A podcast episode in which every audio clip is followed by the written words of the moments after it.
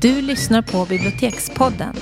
En podd från biblioteken i Halmstad som handlar om litteraturen, läsningen och livet. Det som pratar heter Elisabeth Skog och Jeanette Malm. Hej Elisabeth.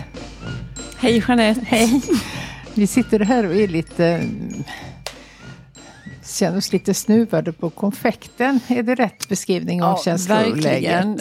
Långa i synen och fågelholksliknande. För vi har precis varit och lyssnat på tillkännagivandet ifrån Svenska Akademin.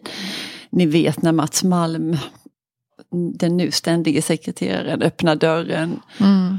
och säger att årets Nobelpris tilldelas. Och så är man jättetaggad och Mm. förhoppningsfull och beredd att springa bort till bibliotekshyllan och ställa fram alla böckerna. Och, Samlade verk. Ja, Ja, mm. något blev det så. det blev inte så. Jag har redan glömt vad han hette. Mm, kan jag säga det. Han heter Ja. Gurna. Ja, Och det var viktigt att kunna stava det. Så att, Ja, för det kommer det ju ändå... ja, Ja. Nej men alltså vi, vi har ju sådana upptrissade förväntningar inför det här. Alltså det blir nästan värre för varje år och vi, vi Mm. sätter ju pengar internt också, Ja. även om det inte är några stora summor. Nej, vi behöver inte gå från hus och hem. Nej, tack och lov. Nej. Det förändrar inte liksom, inte ens om man hade vunnit så hade det inte gjort något, varken till eller ifrån. Nej, men det är ekonomiska- Men det är så himla roligt. Mm. Och man tänker och man stöter och man blöter. Ja, man och så får man tänker. lite feeling tycker jag. Sådär. Ja. Nej, men nu så känns det som att ja, nej, nu tror jag jättemycket på Kincaid. Ja, jag tror ju alltid att de, såklart, annars hade jag inte röstat på dem. Nej. Eller satsat på dem. Men i år tycker jag att vi stod där bland kollegor, journalister, besökare. Det blev knäpptyst Mm. efteråt. Det fanns ingen tillstymmelse till reaktion. Nej. Och likadant var det i tv-studion. Ingen av oss hade hört namnet och vi Nej. är ändå hyfsat belästa. Ja, och har man Eh, inte läst så känner man till Ja, man känner till att det finns. väldigt många. Mm. Likadant i stu- tv-studion där, då, där sitter förläggare, kulturjournalister, alltså riktiga högdjur inom kulturen. Mm. Ingen visste vem det var. Nej. Då tänker jag, är det verkligen så bra då? Och värt Nej. världens finaste litteraturpris? Kan det ha förbigått alltså, samtliga eh, inom den läsande? Ja. Eller så är det denna snäva då, eh, europeisk litteratur, engelskspråkig, eh, västerländsk. Ja, men det finns det ju det? andra afrikanska namn som har nämnts år Ja. ut och år in Ja som då. faktiskt är i alla fall något sånär välkända. Bationgo. Ja, som Ja. vi nu har lärt oss stava Mm, till. helt i onödan. Helt i onödan. Ja. eh, och så, alltså det är på något, det känns som ett lite grann av ett statement från akademin. Mm, att de vill knäppa oss på ja, näsan. nu ska ni få se Mm. här. För det är ändå vi kan. som bestämmer och sitt inte där och var beskäftiga och Nej. tro att ni kan räkna ut det. Nej, vi Nej, ska inte prata så mycket mer om det och när det här lyssnas på så har det, är det ju historia. Men Ja, för då- oss är det verkligen i allt för färskt minne. men du när det här sänds så kanske vi har läst Gurna och är helt liksom förtjusta Ja. och tillbedjare och tillskyndare av Gurna. Det hoppas vi kanske Ja. vi kan vara. Vi, är, inte, vi är ju inte sämre än att vi kan ändra Nej oss. då. Och det finns en bok som heter Paradiset. Mm. Mm. Så det är så. Så det är så. Nu får du hitta på en snygg övergång till dagens ämne. Ja, det är helt omöjligt att hitta en parallell. För idag ska vi prata om mat. Det enda jag kan komma på är att jag är väldigt mätt för jag har precis ätit lunch. Mm. Och det fick gå väldigt fort. Så det la sig liksom huller om buller. Likadant med dig. Mm, och jag noterade att vi åt samma, inte samma mat, men vi åt samma maträtt. Det var ganska konstigt. Han Ja, du se det? pyttipanna. Ja. Ja, jag, min var köpe. Mm, jag hade då själv gjort min och tag, lagt i en liten låda burit med mig Mm. och stekt ett väldigt gott ägg. Det Nej, men det är god mat. Jättegott! Ja. Ja, jag tycker det har liksom varit en liten sån skamlig rätt innan, innan sådär pyttipanna. Men det är ju svingott. Ja. Jag har jag har gjort den. Jag köper en vegetarisk som jag tycker är jättegod. Ja. Ja. ja. Ja, men till böckerna. Eh, nej, men vi ska väl prata om folk som äter för mycket eller inte alls. Mm. Som inte har ett så sunt förhållande till mat helt enkelt. Mat i litteratur. Mat i litteraturen. Mm. Och det är romaner och biografier och facklitteratur i en salig blandning. Ja. Du, Eh, nej det gör du inte. Jag står först. Du står först. Ja. Och då är det ju på något vis motsatsen till mat. För det är Knut Hamsuns bok Svält. Som jag Mm. kände att den ändå prydde sin plats här. Ja, svår att förbigå när ämnet är. faktiskt. Och det var då Hamsuns genombrottsroman och den kom 1890. Mm.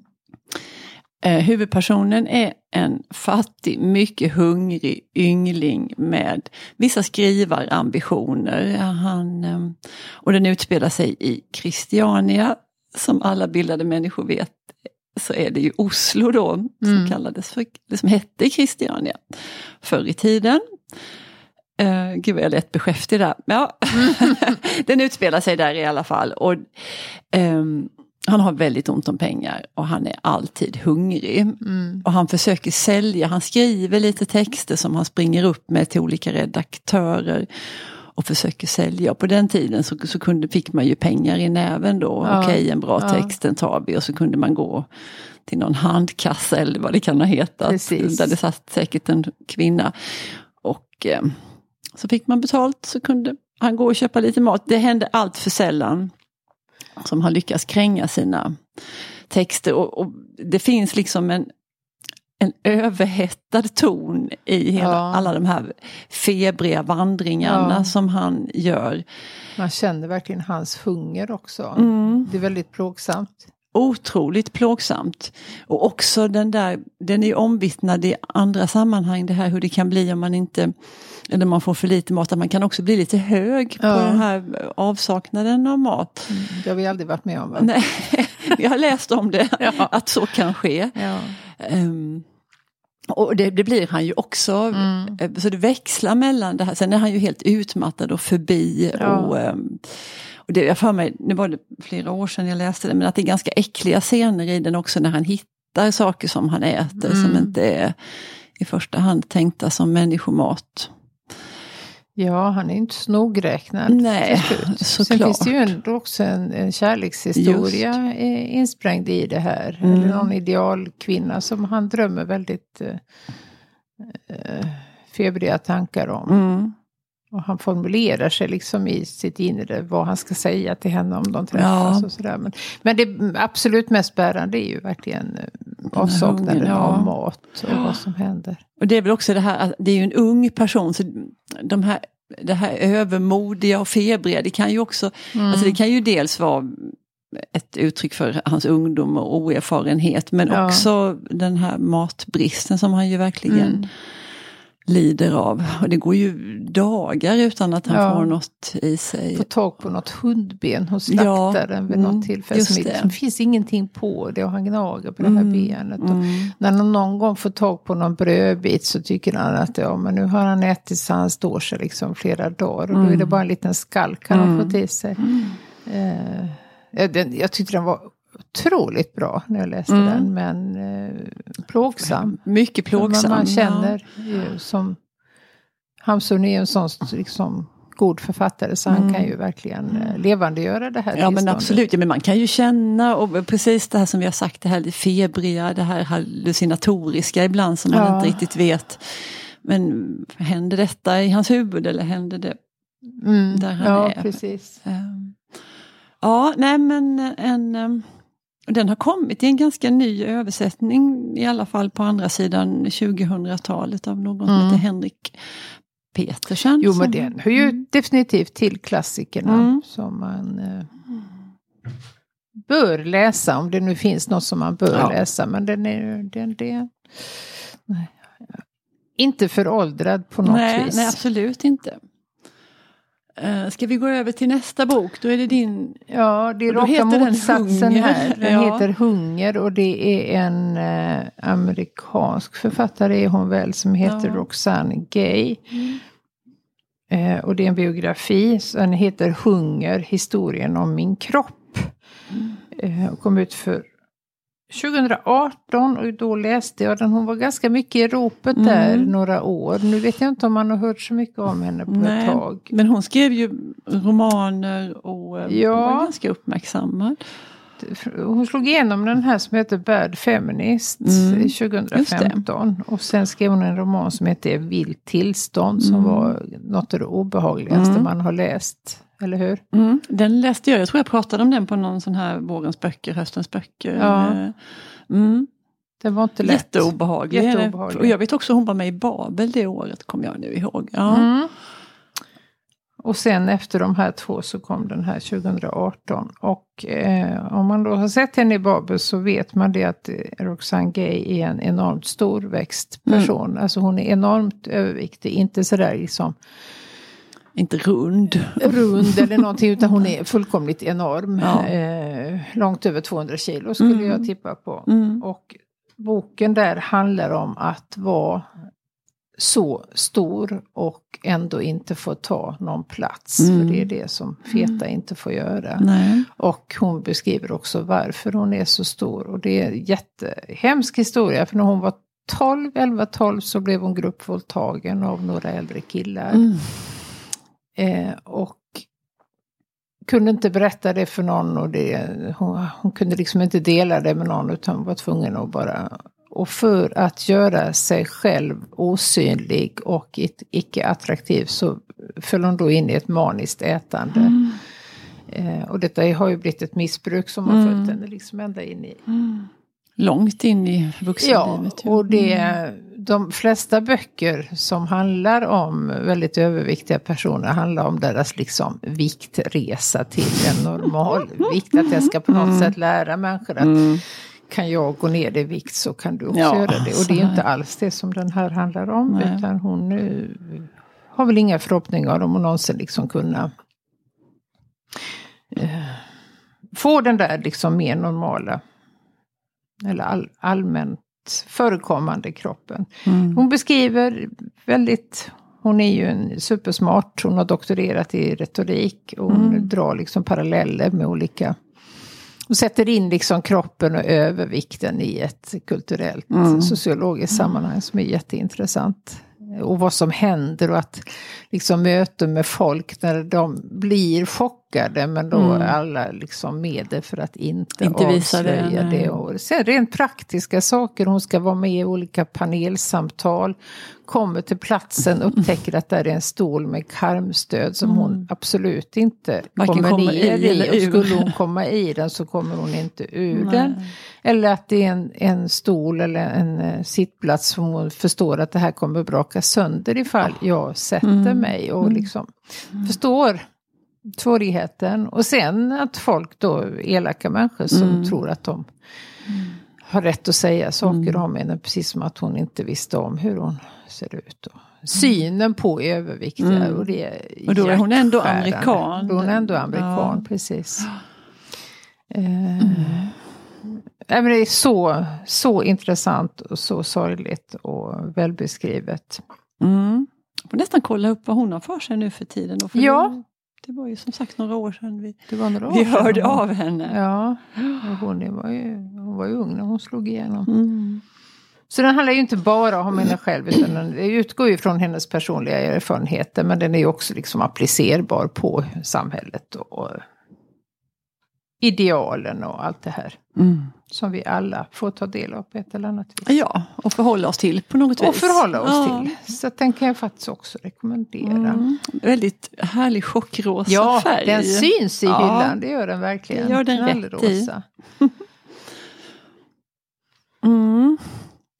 Jag vet inte hur vi ska kunna hoppa över här till nästa bok, men det gör vi i alla fall. Jag är kvar i Norge, Jeanette, i den nordnorska byn Berlevåg. Jaha. För där bor det två stycken fromma systrar. Det ska handla om Babettes gästabud. Jag visste inte att den utspelar sig i Norge. Mm, det tror man ju där. inte. Nej, eftersom man det är en dansk författare. Det. Ja, men så icke desto mindre Mm. så är det det. Eh, nej, jag, hade, jag, jag fick läsa på här nu men jag blev väldigt förtjust när jag gjorde det. Och, ehm, jo, dessa två fromma systrar i den lilla nordnorska, nord, betänk väl. Sa du att de var fromma? Fromma, ja, Ja. det är de. De är väldigt fromma. Strängt kyrkliga och där finns, där de hade en far och han var både prost och profet har jag läst. Som att det inte skulle räcka med det ena. Eh, nej, men strängt och lite armt och eh, inga utsvävningar, inget skojsan, inga excesser. Är det 1900-tal eller är det ännu tidigare? Mm, det kan nog vara slutet på 18, Ja. början på, ja, slutet på 18 kan vi säga. Detta grundar jag mig då i att hos de här systrarna, för de är, de är, det är väldigt strängt och det är religiöst, men de är också goda människor. Så de har tagit hand om en, en fransyska som har flytt från den franska revolutionen 1871. Ehm, och hon, det är hon som är själva Babette då.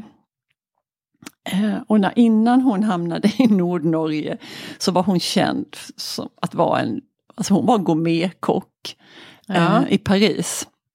Eh, tänk vilken, snacka kulturchock att komma till Nordnorge Ja. från finaste restaurangen i Paris. Ser Där hon då. blev hushållerska i Berlevåg. Eh, och där har hon då, när den här boken börjar eller håller på, så har hon varit i 14 år i Berlevåg. Och vad Oj. lagar hon? Vad, vad är det för mat de ska ha där i Nordnorge? Fisk. Ja, det är- det Ja. utgår man ju ifrån att det Mm, finns inte Fisk och potäter och det är liksom inget um, ja, soppa. Men, men hon Mm. får ju inte alls utlopp för någonting av det här Nej. som hon verkligen kan. Och de har väl ingen varken intresse eller kanske inte ens en aning, de här systrarna. Och den här De vet inte vad de har gått miste om under alla år med de, fisk nej, och det, nej men precis, och de är kanske också, alltså det ska vara asketiskt, Ja. så även om de hade vetat vad de hade kunnat få så, så det ska vara liksom nedtonat och Mm. Bukfylla, inga excesser, Usch vad ingen tråkigt. härlighet. Vi ska inte bli fromma nunnor. nej, nej. Inte Hur det nu skulle gott. gå till. Nej. nej, kanske är för sent. det är också för sent Jeanette. Ja.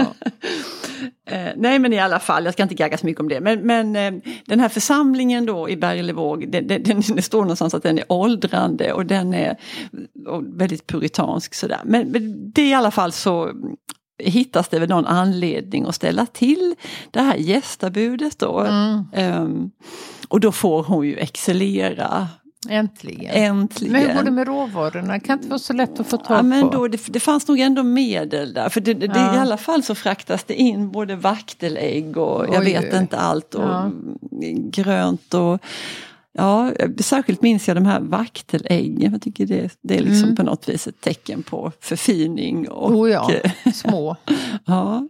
Har du ätit det någon gång? Nej, jag har Nej. bara sett dem på bild. Mm. De är ju väldigt, väldigt små. Mycket små. Ja. Många vaktelägg fick fraktas dit. Ja. Um, nej men så är det någonting, alltså, vad står allt det här för? för? Någonstans läste jag mig då till att, att den här middagen försätter dem i ett saligt rus. Det Oh, ja. De här mm, på soppa uppfödda. herrejösses, Det kan man ju förstå. Det kan ja, att det blir alldeles. Och också på något vis kan man väl tänka sig att det handlar om att ändå öppna sinnena för Mm. sånt man inte känner till eller inte vara så tvärsäker på att ens egna kultur, vanor, eh, referenser, preferenser, att det är det bästa utan att man kan Det är ju märkligt med smaker också. Att det som Mm. folk i en viss tid tyckte var gott kan man ju uppleva som oätligt Mm. några generationer senare. Mm, mm. Eh, Så att det ja, en tillvänjning eller en... Att om någonting är fint och ovanligt då, då var det gott liksom. Mm. Men att eh, vi då med våra nutida smaklökar skulle tycka att det var jättevidrigt. Jag tänker på det här programmet Historieätarna. Ja, gick, precis. Ja. Det var ju mycket läbbiga grejer där. Ja, alltså, ja, gud, som, ja. som man då fästa loss på. Så Ja. frågan är ju om de uppskattar Babette, men det gjorde de ja, då. men det gjorde Ja. de, ja Mm. absolut. Ehm, mm. Det blev ja, väldigt fröjd och gammal. Det finns också en, bra film som Ja, det är gör det. Gjord efter den. Och sen på köpet där så fick jag lite charmig information om vad som är sagt som Karen Blixen. Eh, någonting som är synnerligen aktuellt eftersom idag har det tillkännagivits Nobelpristagare. Så någonting som Ernst Hemingway lär ha sagt när han mottog sitt Nobelpris Ja. som ju då var 1954. Då säger han så här i sitt tal. I would have been happy, even happier today if the prize had been given to that beautiful writer Isaac Dinesen. Alltså hon kallade sig ju Isaac Ja. Dinesen när hon skrev. Hemingway tyckte han hade varit gladare om, om Karin Blixen hade fått priset. Det var ju inte så att han trodde att det var en man. Nej, det Han hoppas jag verkligen det hoppas inte. verkligen Nej. inte det. Han måste ha vetat att det var... Ja, det tror jag var liksom allmänt känt. Ja, hon var ju en spännande kvinna. verkligen. Eh, Först alla år på den här farmen och sen när hon blev utblottad Mm. så gav hon sig på skrivandet och Ja. blev ju en enorm succé. Och jag har ännu aldrig varit i hennes hem där i Rungstedt, Lund heter det väl utanför Nej. Luciana utanför Ja, men då Helsingör. gör vi det. Det gör vi. När Ja. det våras. När det våras åker vi så ska till vi eh, åka. Karin Ja, det ska vi. Land. Ja. Ja, ja. Du, Måns Kallentoft säger jag. Vad säger du då? ja, men då säger jag jätteläskiga deckare, Ja. säger jag. Läskiga som Ja. mycket slafs. Ja, ja men obehagliga. Ja. Graden av slafs kan jag nog inte uttala mig om, men skrämmande och obehagliga. Mm. Mm. Eh, för jag har ju letat rätt på en bok som jag läste när den kom ut 2013. Är det möjligt att det var så länge sedan? Mm. Ja, jag kanske läste den något senare. Den är kolsvart och den är Mm. även liksom svart på, I snittet. i snittet. Så den Mm. ser lite skrämmande ut. Och sen först när man öppnar men ser den att det är en EU har ju vanliga vita sidor. Mm. Eh, Den heter Food Junkie, livet, maten, döden. Och för Måns Kallentoft så höll maten bokstavligt på att bli hans död. För han var en gourmet och gourmand av Guds nåde. Han måste ju ha tjänat väldigt mycket pengar på sina deckare. Eller också hade han andra sidoinkomster. För han har lagt miljoner på att äta. Skriver han själv. Okej. Boken börjar när han eh, eh, förs akut till sjukhuset och ligger och svävar mellan liv och död väldigt, väldigt länge. Och det var efter en, eh, en middag på Operakällaren där han hade ätit sig igenom och druckit sig igenom precis Usch. allting. Mm. Och så levde han, att han jagade ständigt nya matkickar. Han kunde åka till Japan. Över dagen. Eh, ja, bara för att få tag på en Mm. speciell sushi eller någon speciell soppa eller någon speciell. Mm. Alltså allt, han skulle nya kickar hela tiden och bara det mest exklusiva och det liksom allra mest eh, åtråvärda och svårtillgängliga. Det åt han. Och, Men du, det var, handlade det om mängd också, att det skulle vara mycket? Eller var det här alltså, jag, har ju, jag var ju tvungen att kolla hur Ja. han såg ut och han Ja. är ju, han är ju normalviktig. Okej, ja. Eh, men han, så att man kan väl anta att han mellan de här orgierna kanske höll sig relativt eh, Modest. sund.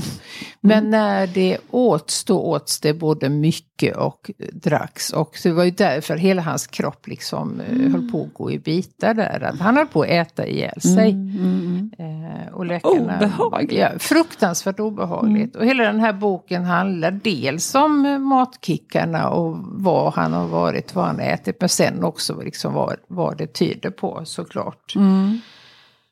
Eh, en febrig kärlekshistoria, en berättelse om att överleva och försöka hitta hem trots tillvarons allra mörkaste sidor.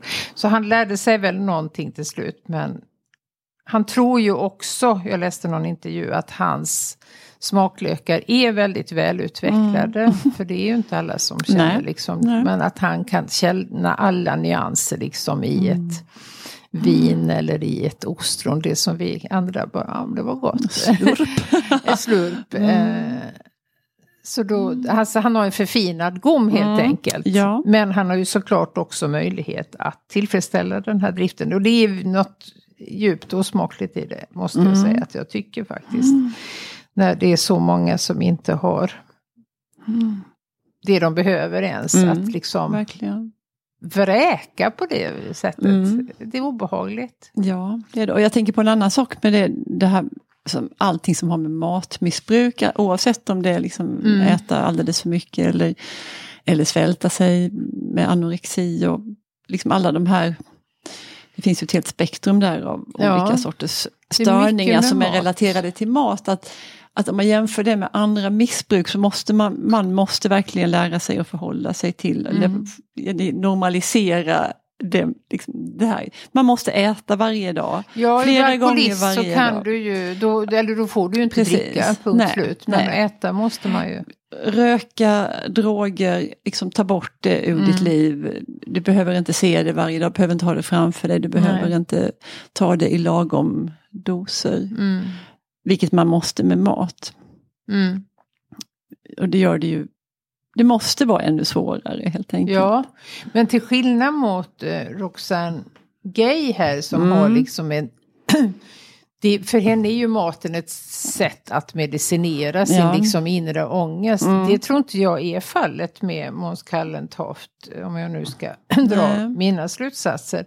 Utan han är ju ute efter den här smakkicken liksom. Mm. Eh, eh, och det är ju ändå en Men viss det- skillnad i det. Jo men det är det ju absolut. Eh, Men, men det, det låter ju också som ett, där kick, att söka kicken är ju också ett beroende. Att man vill ha kicken igen och igen och igen.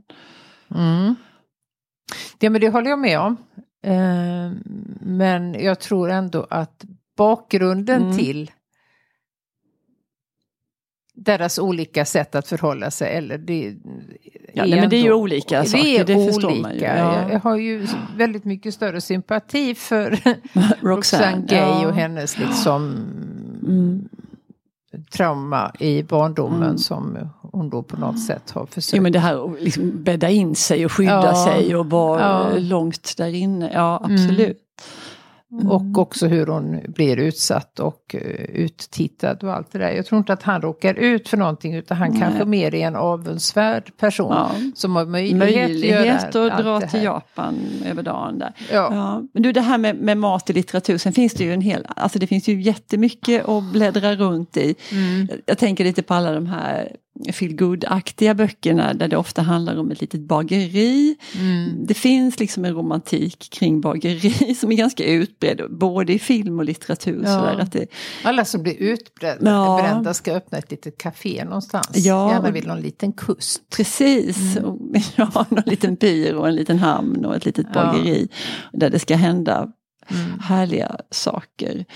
Eh, och sen så finns det också, jag kommer också tänka på de här det fanns en bok som heter Choklad eller Chocolat Ja, på franska. Som det. också Den blev också en film. Ja, allt det här, för det också kopplas till något väldigt sinnligt. Det Ja. här med att kunna Mm. liksom hälla choklad på det rätta viset och göra och blanda kakaon Mm. rätt. Och allt vad det kan handla om. Så det är ju liksom ett tacksamt ämne. Ja. Och, Ja, liksom, också det här jaha. att vi alla kan relatera. Vi Mm. kan ju känna smaken av en god choklad eller Mm. ett, doften av ett nybakt bröd och att det liksom tillfredsställer det här basala. mm, Man är nära liksom sitt inre kanske när man står där och knådar. säkert, säkert. Mm. Och sen hade jag sån lust att ta med mig en bok eh, till inspelningen men jag kunde inte hitta den Jeanette och den skulle finnas på din fina fackavdelning.